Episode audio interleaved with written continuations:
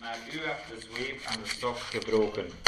U hebt uw volk opnieuw bevrijd. De laarzen van de soldaten en hun jassen vol met bloed, die worden in het vuur gegooid. Ja, alles wordt verbrand. Er is een kind geboren. We hebben weer een koning. Hij zal over ons regeren. En zo zullen de mensen hem noemen. Wijze bestuurder, sterke God, vader voor altijd, koning van de vrede. Zijn macht zal steeds groter worden en er zal altijd vrede zijn. Hij zal op de troon van David zitten en hij zal koning zijn. Een koning zoals David was, rechtvaardig en eerlijk. Zijn koning zal hij zijn voor altijd en eeuwig. De machtige Heer zal daarvoor zorgen. Het zal zeker gebeuren. En dat Lena akkoord is. Kerst is dus het vieren van de komst van de lang verwachte Messias.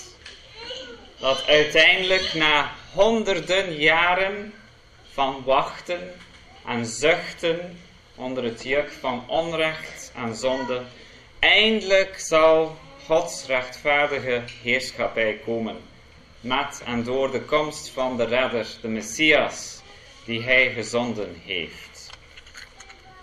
Nu, het is ook een traditie om elke zondag van de adventperiode een kaars aan te steken. En zoals jullie kunnen tellen, er zijn vijf kaarsen. Vier zondagen van advent en de laatste kaars op kerstdag zelf. Nu, wat is de bedoeling daarvan? Heel eenvoudig. Het is een teken, een symbool van het licht die komt in de duisternis. Het is ook een donkere periode van het jaar. Het wordt vroeger en vroeger donker. En we zien allemaal uit naar het licht die, dat er zal komen.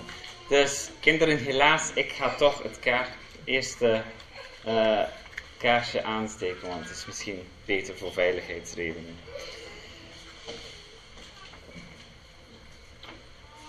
Dus dat is het teken dus dat het licht in de wereld komt.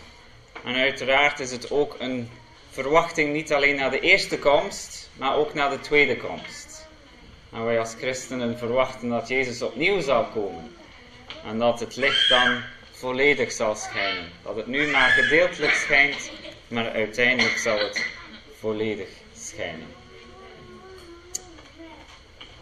Ik denk dat er nu een kindermoment is, Nancy. Ik ga eens kijken of jullie heel goed hebben geluisterd naar wat David heeft verteld. Want zo net heeft David één kaarsje aangestoken. Maar hoeveel kaarsjes stemmen jullie? Ja, waarom, waarom vijf? Wat is er met dat vijfde kaarsje?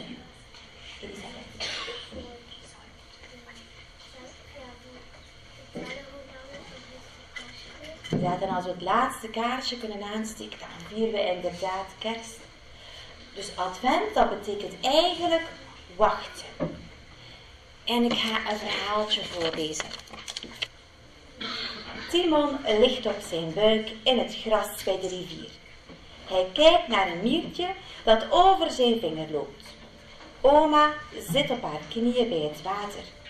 Ze is de was aan het doen, al heel lang, terwijl Timon iets veel beters te doen heeft. Hij heeft afgesproken om verstoppertje te spelen met zijn vrienden. Maar ja, hij moest mee naar de rivier om oma te helpen. Oma, zegt Timon, duurt het nog lang? Oma wringt een hemd uit en het water druipt naar beneden over haar armen. Ik ben bijna klaar, Timon. Dan gaan we naar huis. Dat zei je daarnet ook al, moppert Timon. Maar het duurt lang, oma. Waarom kan oma niet een beetje sneller zijn? Hij wil naar huis, hij wil spelen. Eindelijk is oma klaar en Timon springt overeind. Hij draagt opa's pas gewassen jas over zijn arm. De jas is zwaar van het water dat er nog in zit. En oma draagt de rest in een mand op haar hoofd. En ze laat helemaal niets vallen. Dat kan oma goed. Maar het duurt wel erg lang voordat ze thuis zijn. En dat komt omdat oma zo langzaam loopt. En omdat ze steeds blijft staan om eventjes te praten met de mensen die ze tegenkomt. Met de oude mevrouw die uien verkoopt. Met de meneer op de markt. Met de buurvrouw.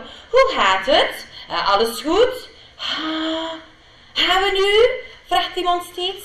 Kunnen we nu gaan? Nog even, zegt oma. Ik ben zo klaar. Eindelijk zijn ze thuis. Ik ga buiten spelen, roept Timon. Oh oh, wacht eens even, zegt oma. Wacht even, ik heb nog een klusje voor jou. Nee, nee. Timon moet oma eerst nog helpen om de was netjes te drogen te leggen over de muurtjes. En dat duurt lang, heel lang. En dan mag Timon eindelijk gaan spelen. Aan het eind van de middag komt Timon thuis. Hij heeft ontzettend veel honger. Wanneer gaan we eten? vraagt hij. Ja, als het brood klaar is, zegt oma. staat in de oven. Maar dat duurt nog zo lang, zucht, Simon, zucht Timon. En ik heb zo'n honger. Hij schept met zijn beker water uit de emmer.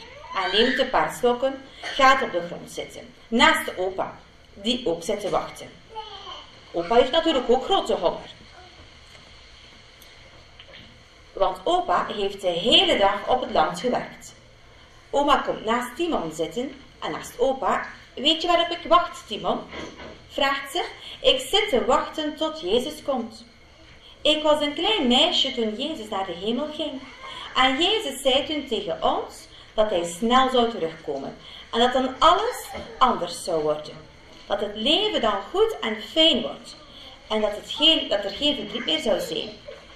Het is dan alsof het elke dag feest is. Maar dat is al zo lang geleden. Dat is al meer dan 50 jaar geleden. En ondertussen, het verhaaltje is al niet meer nieuw, hè. 50 jaar en ik ben nu al een oude vrouw. Ik wacht nog steeds. Soms denk ik, gaat het nog wel gebeuren? Komt zij nog wel? Ja, wachten is moeilijk, zegt opa. En Timon knikt. Wachten is moeilijk. Heel moeilijk. En oma knikt ook. Oma vindt het ook moeilijk. Ja, ik moest dat ook leren, zei opa, om te wachten. Toen ik boer werd, ja, je moet, moest ik superveel geduld hebben als je boer bent. Want je kunt pas zaaien als het een paar keer flink heeft geregend. Als de aarde flink nat is, want anders groeit er niks. En het regent is zo vaak hier natuurlijk. Dus vaak moet je heel lang wachten. Maar dat geeft niet. Ja, het is natuurlijk niet in België mijn verhaaltje, want het regent hier al ja, enkele weken heel veel. Maar het gaat over Israël en toen regende het maar twee keer ongeveer op een jaar in, tijd, in die tijd. Dus opa moest heel lang wachten. Maar dat geeft niet, want je weet, op een dag komt de regen. En ik denk dat, dat Jezus ook zo is. We willen heel graag dat hij bij ons terugkomt. We wachten al heel lang. Veel te lang, denken we. Maar we moeten gewoon nog even volhouden, want hij komt bijna. Natuurlijk komt hij, zegt Timon. Hij heeft het toch beloofd? Zo is het, zegt oma. En ze glimlacht. Ik moet gewoon nog even geduld hebben. Mmm, het ruikt lekker, zegt opa. Ik denk dat het brood klaar is, zegt oma. Wie wil er een stukje? Dat hij komt. Gaan we nog samen een liedje van de maand zingen? Oké, okay, sta maar allemaal recht, kom maar bij mee.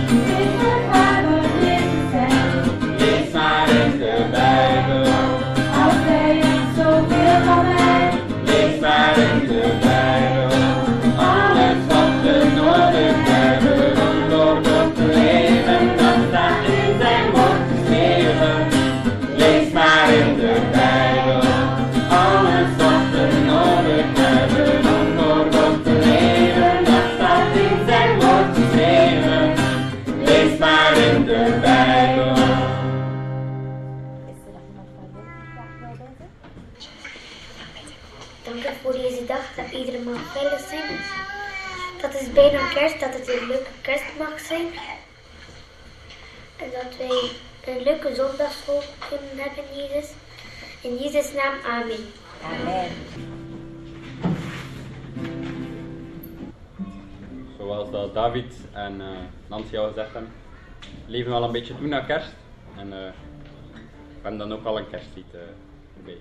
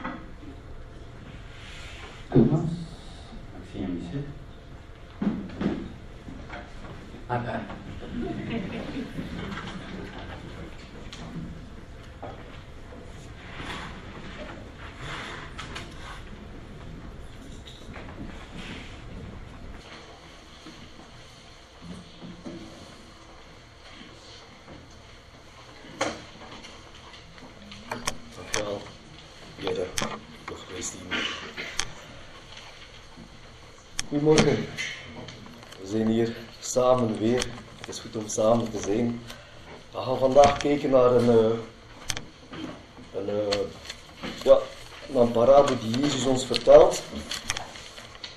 En eh, de boodschap van vandaag gaat over ja, aanvaard worden. En hoe dat we aanvaard worden door God. Ehm, en dat dat van binnenuit begint. Niet van buiten naar binnen, van, maar van binnen naar buiten. Vrij vaag onderwerp, maar het wordt duidelijk. Uh, het is in ons leven. We zijn allemaal op zoek naar waardering. We zoeken om aanvaard te worden. Uh, we zoeken allemaal naar goedkeuring. En diep in ons is er echt een verlangen dat iemand ons vertelt dat we goed zijn. Dat we nodig zijn, dat we geliefd zijn.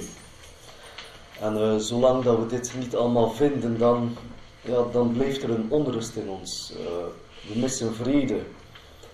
En uh, Jezus leert ons, heel tof, hoe, hoe dat wij die, die vrede kunnen vinden. Dus dan vertelt hij die, ja, dit verhaal. En we gaan het samen lezen in, in Lucas, Lucas hoofdstuk 18. Lucas hoofdstuk 18. En het zijn vijf versen. Het begint bij vers 9. Jullie kunnen trouwens ook zoals gewoonlijk altijd meevolgen in potscherven. Ik heb een samenvatting geplaatst in het groen blaadje. Kun je ook over nadenken uh, de komende weken. Nu, hij sprak ook met het oog op sommigen die van zichzelf vertrouwden dat zij rechtvaardig waren en al de anderen verachten. Hij sprak deze gelijkenis. Twee mensen gingen op naar de tempel om te bidden. De een was een fariseer, de ander een tollenaar. De fariseer stond op en bad bij zichzelf. O God, ik dank u dat ik niet zo ben als andere mensen. Rovers, onrechtvaardigen, echtbrekers. Of ook als deze tollenaar. Ik vast twee keer per week. Ik geef tienden van al mijn inkomsten. De tollenaar stond van ver en wilde zelfs zijn ogen niet opheffen naar de hemel. Maar hij sloeg zich op de borst en zeide, O God, wees mij zondaar genadig. Ik zeg u, deze keerde in tegenstelling met de ander gerechtvaardigd naar huis. Want een ieder die zichzelf verhoogt, zal vernederd worden. Doch wie zichzelf vernedert, zal verhoogd worden. Jezus heeft hier een boodschap voor mensen die zichzelf rechtvaardig voelen en die neerkijken op anderen. We gaan drie punten bekijken. Ten eerste, er is een algemeen probleem. Wat is het probleem? Twee, hoe los je het niet op? En drie, hoe los je het wel op? Want eerst kijken naar het eerste punt. Dus wat is het probleem? Het verhaal is het volgende. Dit is een man, in dit geval de, de tollenaar. Ja, het gaat om de tollenaar. En die, heeft, die, vindt het heel belangrijk om rechtvaardig te zijn, om, om rechtvaardig gezien te worden. Rechtvaardig zijn maakt hem trots. Soort gevoel dat hij zich goed voelt. En in die cultuur en tijd was het zo van, ja, rechtvaardig zijn, als je rechtvaardig was, dan, dan, was je, dan werd je gezien als nobel. Je bent een degelijk mens. Je bent correct, je hebt een hoge moraal. Respectvol.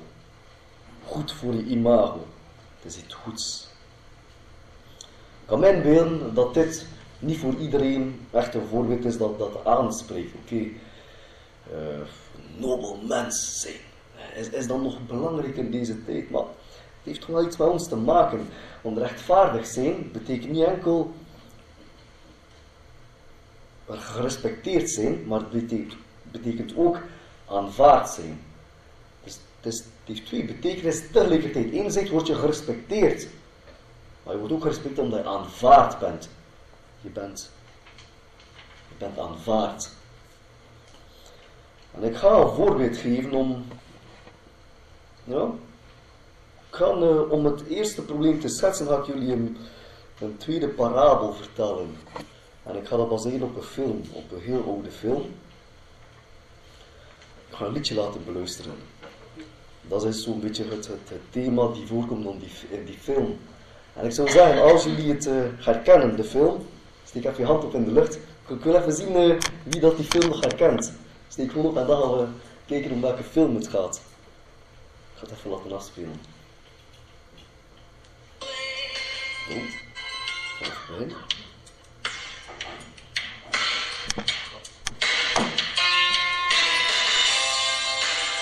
Als je herkent, steek hand in de lucht, de film.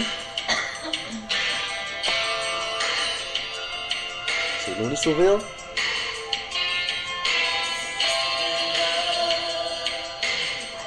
Is dat iets? Nee?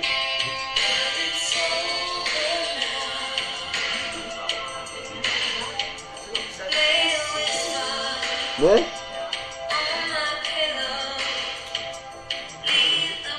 Niemand kent het? Nee? Nee. Je hebt het al gehoord. Het is van de jaren 80, 87 is het niet.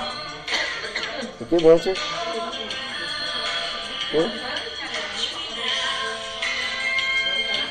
Gaan komen. Refrein.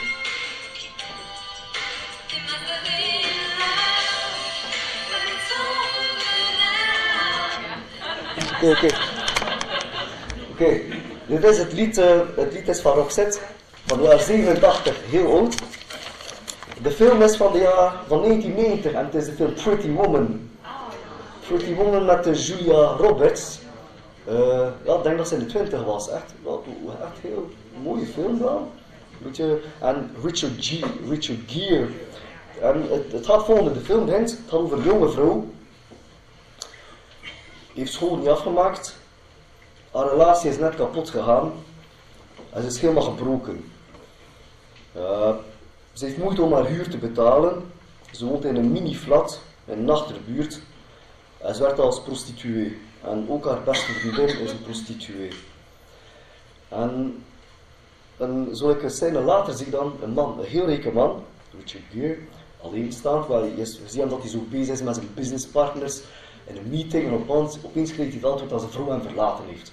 Omdat hij te veel bezig is met zijn werk en al, verdient te veel geld. En om een of andere manier, zijn vrouw heeft hem verlaten. Beiden vallen in een gat. En op een bepaald moment, dus die man zit daar toevallig ook in de omgeving waar die vrouw zit, een week lang op zakenreis. En is beu. Dus hij gaat ritje maken met de auto van zijn maat. Lotus Esprit. Uh, sportwagen, zeer licht. Geen zware, geen zware motor. 2,2 liter, een 4 cilinder, 300 pk, maar een manuele versnellingsbak. Dus die kerel rijdt en natuurlijk de Amerikaan kan enkel automatisch rijden. Dus die rijdt kan niet omgaan met komen. Dat is, je ziet hoe dat die versnellingsbak kapot gaat, dus die rijdt en, die vrouw, prostituee, toevallig daar aan het wandelen, gewoon voor de fun, zegt die kerel daar, ik kan echt niet rijden, kom, gast. Machtig een bak heb je daar, tof een bak. Dus is dat echt een, een chique machine. Oké, okay, okay, Lotus is 2,2 liter, oké, okay, manuele 6 verstandbaar. Dus die kerel ziet daar zo van, hé, oké, tof. Ik zie dat je iets kent van auto's. Zie je dat zin om, om, even, om, om dit even te leren? Nee, goed, dus die vrouw zit erin, dus zij altijd van kinds af, was altijd geïnteresseerd door auto's, haar broers en haar vader aan de garage of zo. Dus met die auto's heeft, heeft plezier zo. Oké, om kort te maken, dus die, komt erop neer dat die man, oké, dus die man beseft dat ze een prostituee is, en zei, ja, ik heb wel fun met die, met die vrouw. Even inhuren voor een uur, om plezier te hebben, zo echt zo fun, zo, om, om van, van gedachten te veranderen. Gewoon zo, een auto een toertje, dus als, als gezelschap. Dat uur wordt een dag, en van die dag wordt het een week. En dan zie je in die film gedurende dat ze zo een, een band met elkaar opbouwen, een soort vriendschapsband. eh, Wat dat eerst zo puur zakelijk was, je ziet dat ze zo met elkaar, ja, ze beginnen elkaar zo lekker te kennen. En op het eind van de week moet hij vertrekken, die man. En eh, die vraagt, hey, eh, ik wil je verder inhuren. Ik wil dat je mee gezelschap blijft houden. En die vrouw zegt van, nee, ik kan het niet. Ik kan het niet. Ik wil niet met je meegaan, want dit alles is maar tijdelijk. Ehm, het is terug naar realiteit, want uiteindelijk, als je mee stopt met betalen, ja, dan zeg je toch niet meer hier en weet je, liever niet, liever niet. En dan, vraagt hij aan haar van, ja maar kijk, ben een miljonair. Wat, wat voor geld kan ik jou geven? En zij zegt, ik heb het geld niet nodig, zegt ze. En dan vertelt ze het verhaal dat ze als kind af altijd het sprookje van Assepoester zo graag eh, las en hoorde. Hoe dat ze op, het laatste weet al, dat die prins dan komt en dat die prins haar meeneemt en dat ze dan gelukkig verder leven. En ze ja, dat is mijn droom. Oké, die keer zei ja, kan je dat niet geven. Ze in elkaar. Zij valt terug in een gat en valt ook in een gat. Op, eind van de film beseft hij van, ik ga het toch doen. De laatste scène van die film zie je hoe dat hij terugkeert naar die vrouw en zegt, ik ga je meenemen. Ik wil voor de rest van, van mijn leven. Ik wil dat we samen zijn voor de rest van ons leven. Nu, het is een film die heel veel succes heeft gehad. En als ik jullie dit verhaal vertel, dan, wat is nu de reden dat dit verhaal ons zo aanspreekt, ons aanraakt? Ondanks haar beroep, ondanks haar afkomst, zien we dat hij ziet wie dat ze echt is. En ook zij ziet wie dat hij is. Zij, was niet geïnteresseerd in zijn geld. Ze vond hem gewoon een, een toffe kerel. Er was zoiets, ze voelden zichzelf geliefd, ze, waren, ze voelden zichzelf aanvaard. En op het moment dat ze zich aanvaard voelden, kwamen ze vrij. Voelden zich vrij. Waarom dit verhaal? Als dit verhaal ons allemaal aanspreekt en ons aanraakt, dan toont dit aan dat dit een probleem is van ons allemaal, een probleem van alle tijden, over alle soorten mensen, culturen heen. Allemaal willen wij aanvaard zijn. En we zoeken het elk op onze eigen manier. Om terug te naar de fariseer. De fariseer zocht om nobel te zijn. Hij wou aanvaard zijn. In het Westen, wij, van jongs af leren wij hier in het Westen, in België, om ons te bewijzen op school. Om goede punten te hebben, om een goede richting uit te gaan. Je wordt geleerd om bij de juiste mensen op school te zijn, bij de populaire mensen op school, of bij de chique gasten. We worden dan jong volwassen, we groeien op in onze puberteit. We zoeken een vriendin, een vriendinnetje. En we zoeken daar, echt ja, we zoeken hetgeen wat we voorheen niet hadden. Groei op, dan, leert, dan leren we allemaal onze goede vader te zijn, om een voorbeeld te zijn voor de familie. Je moet een degelijke job hebben. Je moet een, en als je in die firma zit, moet je een degelijke functie hebben. Je moet je mooi kleden. Dat mensen zien dat je mooi bent. Je moet goed kunnen zingen of goed muziek kunnen spelen. Dat mensen zeggen, ah, dat is een goede muzikant. Je moet een taak hebben in de kerk. Dat zeggen, je bent een goede vrijwilliger. Je moet de armen helpen. Zou dat zijn, dat is een... Je is dik in orde. We zoeken het allemaal op onze eigen manier om aanvaard te zijn. En in ons leven hebben we een gemis, een honger, een verlangen. Dat allemaal omdat we goedgekeurd willen zijn, omdat we aanvaard willen zijn.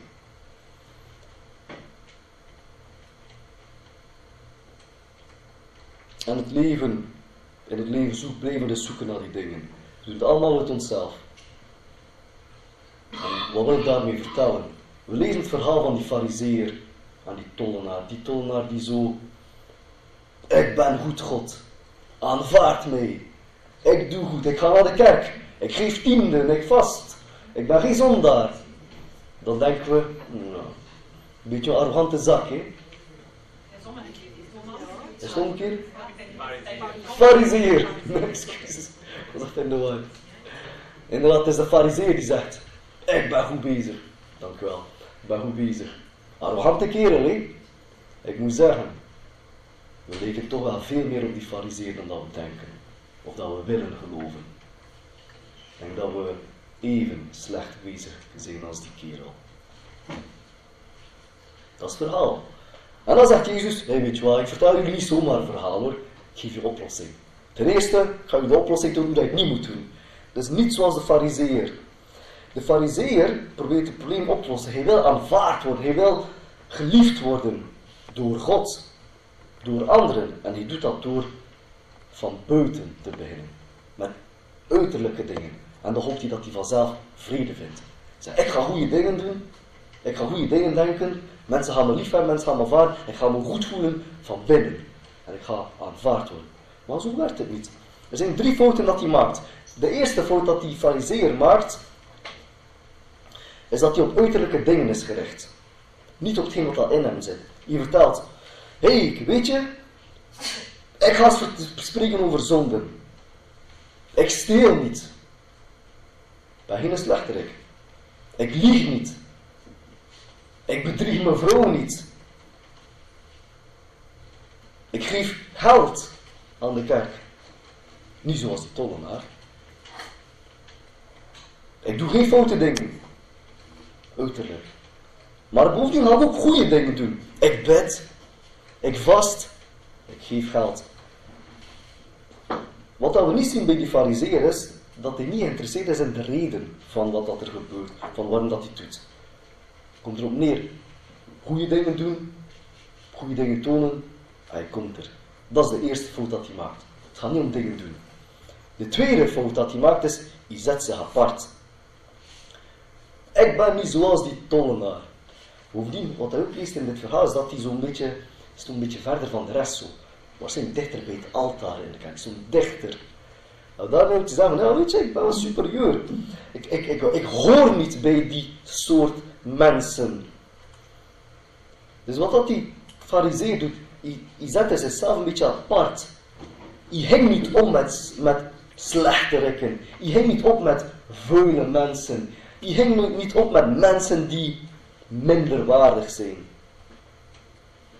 Hij was gericht op uiterlijke dingen. Hij zette zichzelf hoger dan de rest. En bovendien een derde. Dit is ook heel subtiel, heel, kun je dat zeggen, een beetje venijnig. Je haalt voorbeelden aan. Hij zegt, alles wat ik doe, is goed. De voorbeelden die zelfs niet in de Bijbel staan. Ik ben geen dief, zegt hij. Oké, okay, tien geboden. Ik, ik bedrieg mijn vrouw niet. Oké, okay, echt geen probleem. Ik geef tienden. Wat staat in tien geboden, maar het staat wel in, het Oude Testament. Oké. En dan zegt hij opeens, ik vast twee keer per week. Vertellen jullie mee in de Bijbel waar dat staat dat het verplicht is om twee keer per week te vasten? Staat in de Bijbel David? Je als Bijbelleraar? Nee, het staat er niet in. Er staat in de Bijbel dat je dat moet doen, twee keer per week vasten. En die zegt van, ik vast twee keer per week. En daarom zult u mij aanvaarden, God. Dit is iets wat dat ook wij allemaal doen hoor. Ga je wat wij gebruiken onze persoonlijke voorkeuren. Hetgeen wat wij goed vinden. En we gebruiken het als maatstaf voor de rest. Wat ik doe, is beter. In de kerk komt het heel hard voor hoor. Het verschil tussen evangelische christenen en pinksterchristenen. In onze kerk zijn we rustig tijdens de. Als de Heilige Geest komt en ons aanraakt, zijn we heel rustig over na. En in andere kerk beginnen mensen te schreeuwen en te ah, beginnen te, te danken en, te roepen en al. En sommige, sommige christenen worden heel emotioneel als ze geraakt zijn. Anderen worden juist heel rationeel en rustig. En wat zeggen wij? Zeggen wij dat zijn een ander soort kerken? De, de kerk Ichtus is een andere kerk? Of de evangelische kerk in is een ander soort kerk dan ons. Of Level Church is een ander soort kerk dan ons. Of zeggen we van, we zijn toch wel ietsje beter dan hen. Confronterend, hè. Hoe dat wij denken over anderen. Onze kerk is toch wel ietsje beter. We zijn beter dan, die, dan onze vrienden die hier ook komen, dan de Roemeense kerk. Want de Roemeense kerk, als je binnenkomt, zijn ze allemaal te schreeuwen en te roepen en op te binnen tegen elkaar. Hmm, die zijn minder waardige christenen dan ons. Je zegt niet, maar je denkt het misschien wel. Opletten. We leken meer op die fariseer dan dat we denken. Dus, we zijn gericht op uiterlijke dingen, dat is fout. We zetten onszelf apart, dat is fout. We halen dingen aan dat we onze voorkeuren. En we vinden het belangrijker, we vinden het goed, ook verkeerd. Op het moment dat je geen zekerheid hebt in je hart, dit is het probleem. Op het moment dat je geen zekerheid hebt in je leven, ga je verschillende zaken zoeken in je eigen leven om toch jezelf te rechtvaardigen. Daar komt aan weer. Je zoekt het om jezelf te rechtvaardigen. En daarom doe je die uiterlijke dingen. Daarom je jezelf met de rest. Daarom gebruik je neutrale dingen als maatstaf. Twee problemen van deze manier van aanpak. Twee problemen van deze manier zoals dat dat fariseer doet. Je zult nooit genoeg hebben. Ben gericht op die rijkdom en macht gekregen, maar je zult nooit genoeg hebben. Ga je naar lof van mensen, je zult nooit genoeg lof krijgen van mensen. Je blijft de honger hebben. Want je hebt het op uiterlijke dingen. En daardoor ga je van binnen nooit verzadigd worden. Diep van binnen blijf je leeg. Je blijft onrustig. Je voelt je niet aanvaard. En dan ga je nog meer gaan doen. Ga je nog meer om die uiterlijke dingen doen. Je krijgt niet. Voel je nog meer onrustig. Ga je verder gaan.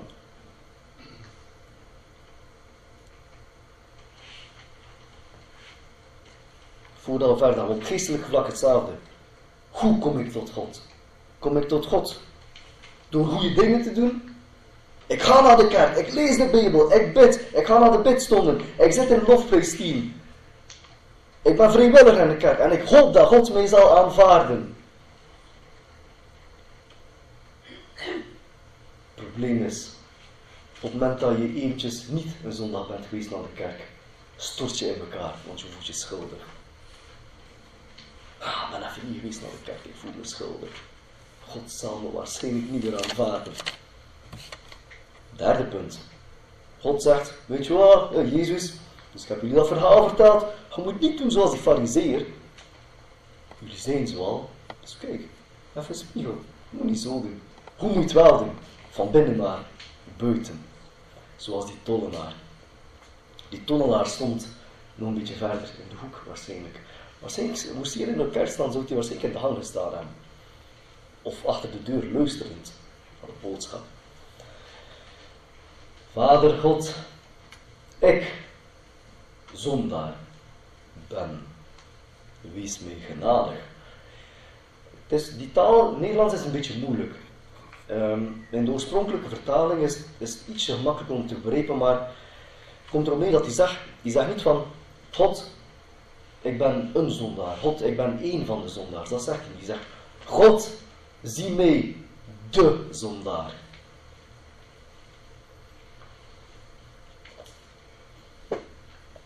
Je begint bij jezelf. Ik ben, ik ben de zondaar. Ik ben de schuldige. Het is niet dat hij, het eerste wat dat doet, hij begint bij zichzelf. Dat is een eerste punt. Ik ben niet goed genoeg. En maakt niet wat de rest is. Ik vergelijk me niet met de rest. Ik weet gewoon dat ik zondaar ben. Mijn motivatie om dingen te doen is niet goed. Diep in mijn hart ben ik niet goed. Ik zit met onrust, ik, zit met onzekerheid, zegt hij. Ik, ik ben jaloers, ik ben kwaad. Ik doe slechte dingen omdat ik, omdat ik ver weg van jou ben. En ik doe goede dingen in de hoop dat u mij aanvaardt, maar nee.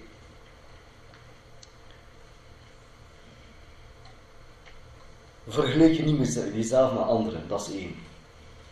We zijn slecht, we zijn slecht, we zijn... Want het probleem is, als je gaat vergelijken met de rest, ga je altijd iemand vinden die nog slechter doet dan jou.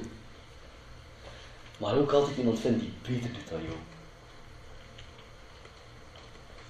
Besef dat je herstellen, herstel nodig hebt met God, dat is het eerste punt. Diep van binnen. Vergelijk jezelf niet met de rest. Kijk naar jezelf.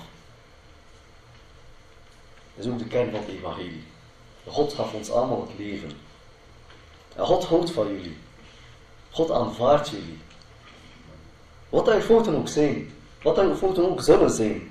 God blijft je terugnemen. En de sleutel is Jezus dood. En als we dat ook gaan binnen vijf weken gaan opnieuw herdenken. Jezus die geboren is. Jezus die kwam om al onze fouten te nemen. Wat hij ook gedaan, Jezus zegt tegen God, Ieders is een dikke zondaar. Ik heb al zijn fouten genomen, zegt Jezus. God, Vader, neem Ieders tot jou. Ieders zondigt morgen opnieuw. Jezus zegt, ik, ik heb het op meegenomen. Ieders mag bij de Vader komen. Normaal gebruik ik altijd Jan, maar ik zie Jan niet. Daarom. Oké, dat is de reden, dat is dus oké. Je hebt het goed. Ja. Uh, weet je het volgende? We, gaan eindigen hoor, maar dus. Ik heb ooit eens het verhaal van, van een christen. Iemand die net bekeerd was. En uh, die ging naar een kerk en daar leerde hij van, ja kijk, je bent christen geworden. Je moet naar de kerk komen, dat is goed. Je moet de Bijbel lezen, dat is goed. Kom naar de bedstond. Maar bovendien, je moet een getuigenis zijn voor anderen. En als je getuigenis bent voor anderen, God zal je aanvaarden. Je moet een getuigenis zijn en God gaat je aanvaarden. Van binnen naar buiten, hè. Van binnen naar buiten. Want die man was een heel timide man. Die man voelde zich onzeker en, en het lukte hem niet om getuigenis te zijn.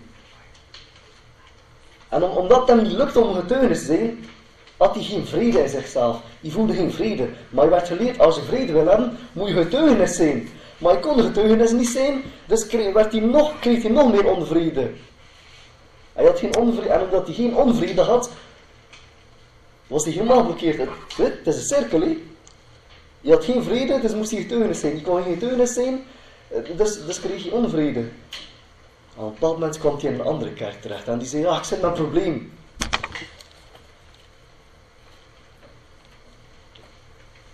Die zei, kijk, aan de, aan de voorganger vroeg ik zit echt met een probleem. Je bent een, je bent een priester, vertel me eens. Ik kan niet getuigen. Ik, ik ben slecht in getuigen in de zin. En die priester zei aan hem, geen probleem. Je bent een slechte getuigenis. God heeft je lief. Je bent een slechte getuige. God heeft je lief. Je bent slecht bezig. God gaat je nog steeds aanvaarden. Doe het slecht. Nee, God neemt je bij jou. Gewoon jullie duidelijk maken. En dat verandert hem ook. Van, ah oké. Hm. Dus ik hoef geen, geen goede getuige te zijn. Om, om, om okay. God geeft me al lief. Of ik getuig of niet. God geeft jullie lief. Of dat je komt naar de kerk of niet. God, God neemt jullie bij je terug. Of dat je in de Bijbel leest of niet. Of dat je naar de bidstond gaat of niet. God aanvaardt jullie. Weer opnieuw. Ga je morgen in de fout. Ga je vanavond weer in de fout. Onthoud het volgende. God neemt jullie terug. kan zijn dat je nu bezig bent met een, in een foute situatie. Besef wat dat ook is. God neemt jullie terug. Tot slot, dank God voor je leven. Dank Hem in de goede en slechte omstandigheden. Keer je tot Hem. Of dat je goed bezig bent of niet goed bezig bent, keer je tot, tot God. En besef dat Hij jou aanvaardt op aarde als een van hen. Nu, tijdens je dood, na je dood. Het is aan Jezus. We danken Jezus dat hij de fouten opzij heeft genomen. Vergelijk niet met anderen.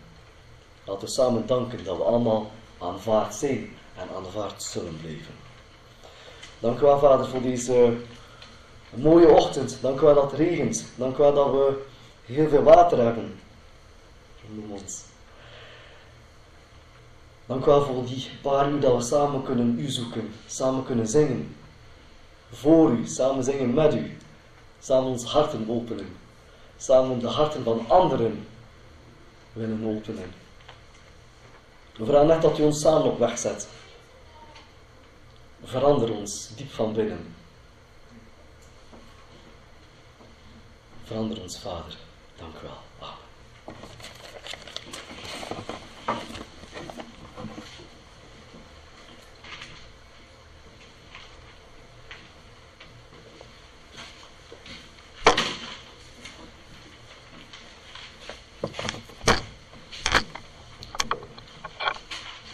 Thomas ons herinnerd aan eh, de onvoorwaardelijke liefde van God. Dat wij zijn liefde niet hoeven te verdienen, maar dat wij ongeacht de zonden, de fouten die we gemaakt hebben en die we ook blijven helaas maken, dat we toch geliefd zijn. Ik begon eh, met een passage uit Jesaja. En ik wil nu, als we ons voorbereiden op het avondmaal, opnieuw lezen uit hetzelfde boek, Jesaja. Jesaja 53. Nog een tekst die het heeft over de komende Messias. De lang verwachte Messias die zou komen. Maar in deze tekst hebben we het niet over een vorst, een koning. In deze tekst hebben we het over een dienaar, een leidende dienaar. De Heere zegt: Mijn dienaar zal succes hebben, hij zal machtig en belangrijk worden. Oh nee, sorry, van 53. Niemand van ons volk geloofde wat er verteld werd. Niemand van ons heeft gezien wat de machtige Heer gedaan heeft. Gods dienaar werd in het begin door niemand gezien, net als een plantje dat maar niet wil groeien. Hij viel niet op, hij was niet mooi. Niemand keek naar hem. Hij werd door niemand bewonderd. De mensen liepen hem voorbij. Ze deden alsof hij niet bestond. Hij wist wat pijn was. Hij wist wat ziekte was. Hij liet zich liever niet aan de mensen zien. Gods dienaar heeft pijn gehad. Hij heeft voor ons geleden. Hij heeft onze ziektes en onze pijn gedragen. Wij dachten dat God zijn dienaar liet lijden om hem te straffen. Maar God heeft hem gestraft voor ons. Gods dienaar is mishandeld voor onze fouten. Hij is gedood voor onze zonden, want wij luisterden niet meer naar God. We leken wel verdwaalde schapen. En Gods dienaar moest onze schuld dragen. Omdat hij gestraft werd, hebben wij nu vrede. Omdat hij geslagen is, zijn wij genezen. Gods dienaar werd mishandeld, maar hij verzette zich niet. Hij zweeg. Hij deed zijn mond niet open hij was zo stil als een lam dat geschoren wordt. Hij was zo stil als een schaap dat geslacht gaat worden. Gods dienaar werd gevangen genomen. De mensen zeiden dat hij schuldig was. Hij werd weggebracht om gedood te worden. Niemand heeft geprotesteerd. Gods dienaar werd geslagen voor de zonden van het volk. Hij werd gedood. Hij mocht niet langer leven. Gods dienaar heeft nooit geweld gebruikt. Hij heeft nooit iemand bedrogen. En toch werd hij begraven tussen de misdadigers. Zijn graf lag tussen de graven van slechte mensen. Want de Heer wilde dat zijn dienaar zou lijden. Zijn dienaar moest gedood worden. Hij moest zijn leven geven om de schuld van de mensen te dragen. Gods dienaar heeft de schuld van de mensen weggenomen. Daarom zal hij weer leven en hij zal veel nakomelingen krijgen. Hij zal ervoor zorgen dat Gods plannen uitgevoerd worden.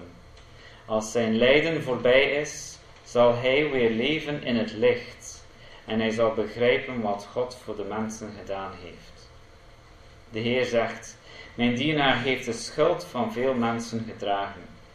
Daarom zal ik hem veel macht geven. Hij zal net zo machtig zijn als de machtigste koningen van de wereld.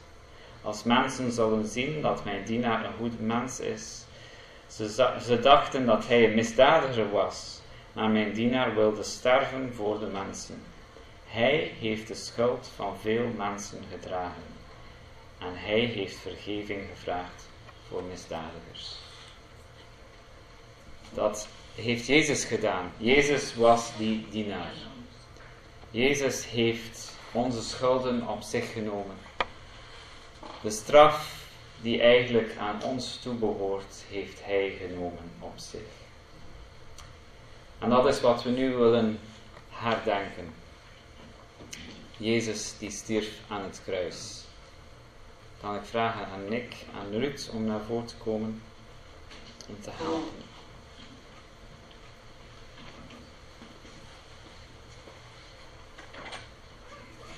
Ieder um, mag voor zichzelf een stukje brood nemen dan, als het uh, langskomt. En in uw eigen tijd nemen en eten als herdenking van Jezus zijn dood voor u. En dan als de beker langskomt, vraag ik u om het even vast te houden, want we zullen dat samen drinken als teken ook van onze verbondenheid. Dat wij die geloven in Jezus zijn dood en opstanding, verbonden zijn met elkaar door één geest.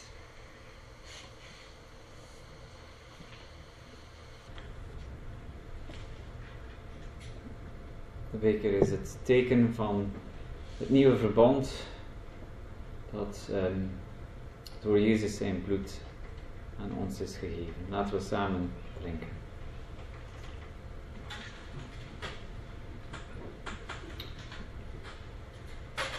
Hemelse Vader, dank je wel dat wij gered zijn en dat wij nu mogen leven. Dat wij nu mogen het eeuwig leven, het ware leven kennen. Dank u wel, Jezus, dat u die lijdensweg hebt gegaan. Dat u geboren bent om uiteindelijk te sterven aan dat kruis. Heer, en uh, wij danken u daarvoor. En wij loven uw grote naam. Amen. En dat gaan we uh, blijven doen met twee laatste liederen, voor weer dat ik dan de dienst afsluit.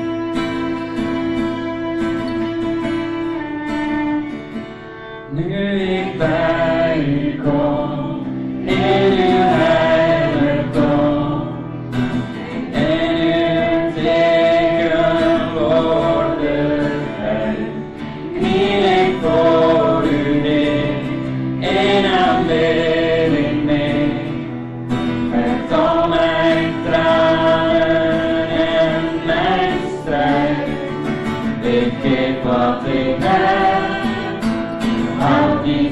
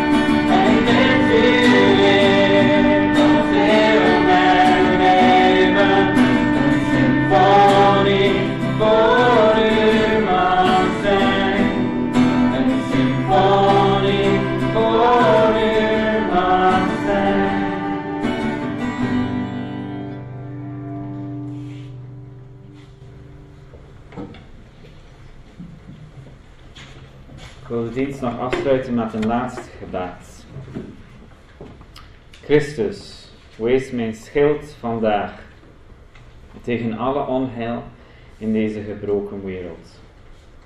Tot aan de dag van uw heerlijke komst. Amen. Nog even uw aandacht voor wat mededelingen, alsjeblieft. Ehm, ik weet niet waar te beginnen, er zijn een hele reeks. Misschien met eh, de jeugd. Um, Nick heeft mij laten weten dat er volgende week, of nu zaterdag, ja? Is dat klopt? Vrijdag, sorry. Nu vrijdag om hoe laat?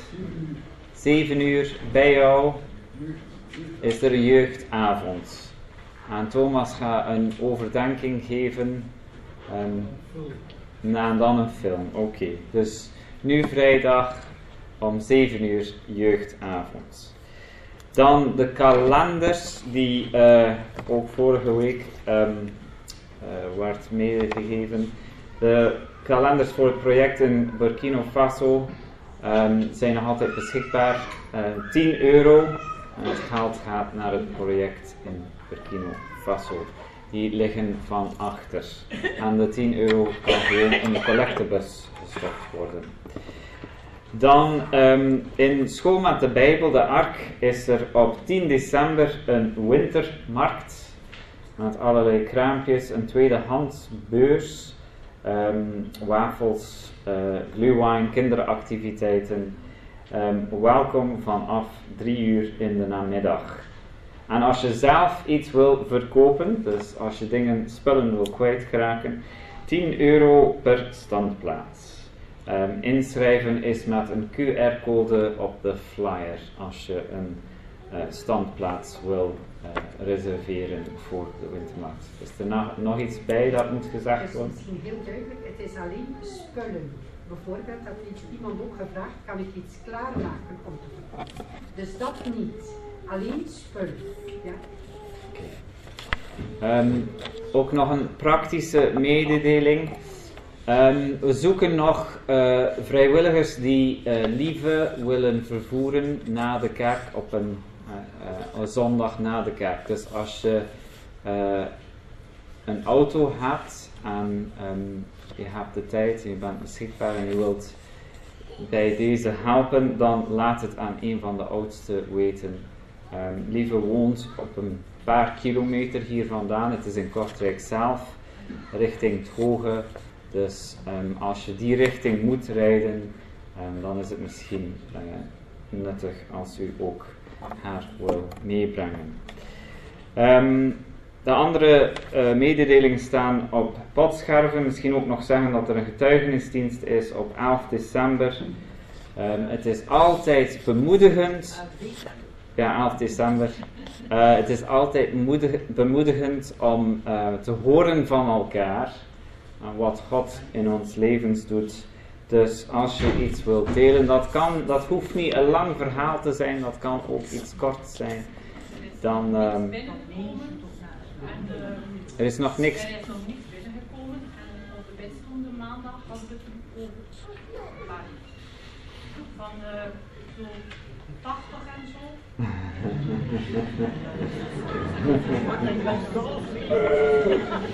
dus, Harry. Dan hebben de kinderen ook nog iets om uh, voor te stellen.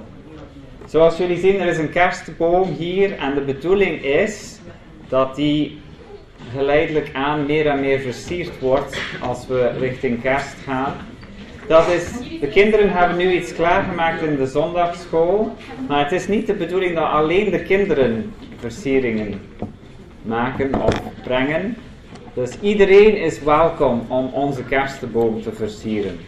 Dus als je graag knutselt ah, thuis, breng gerust ook een stukje mee.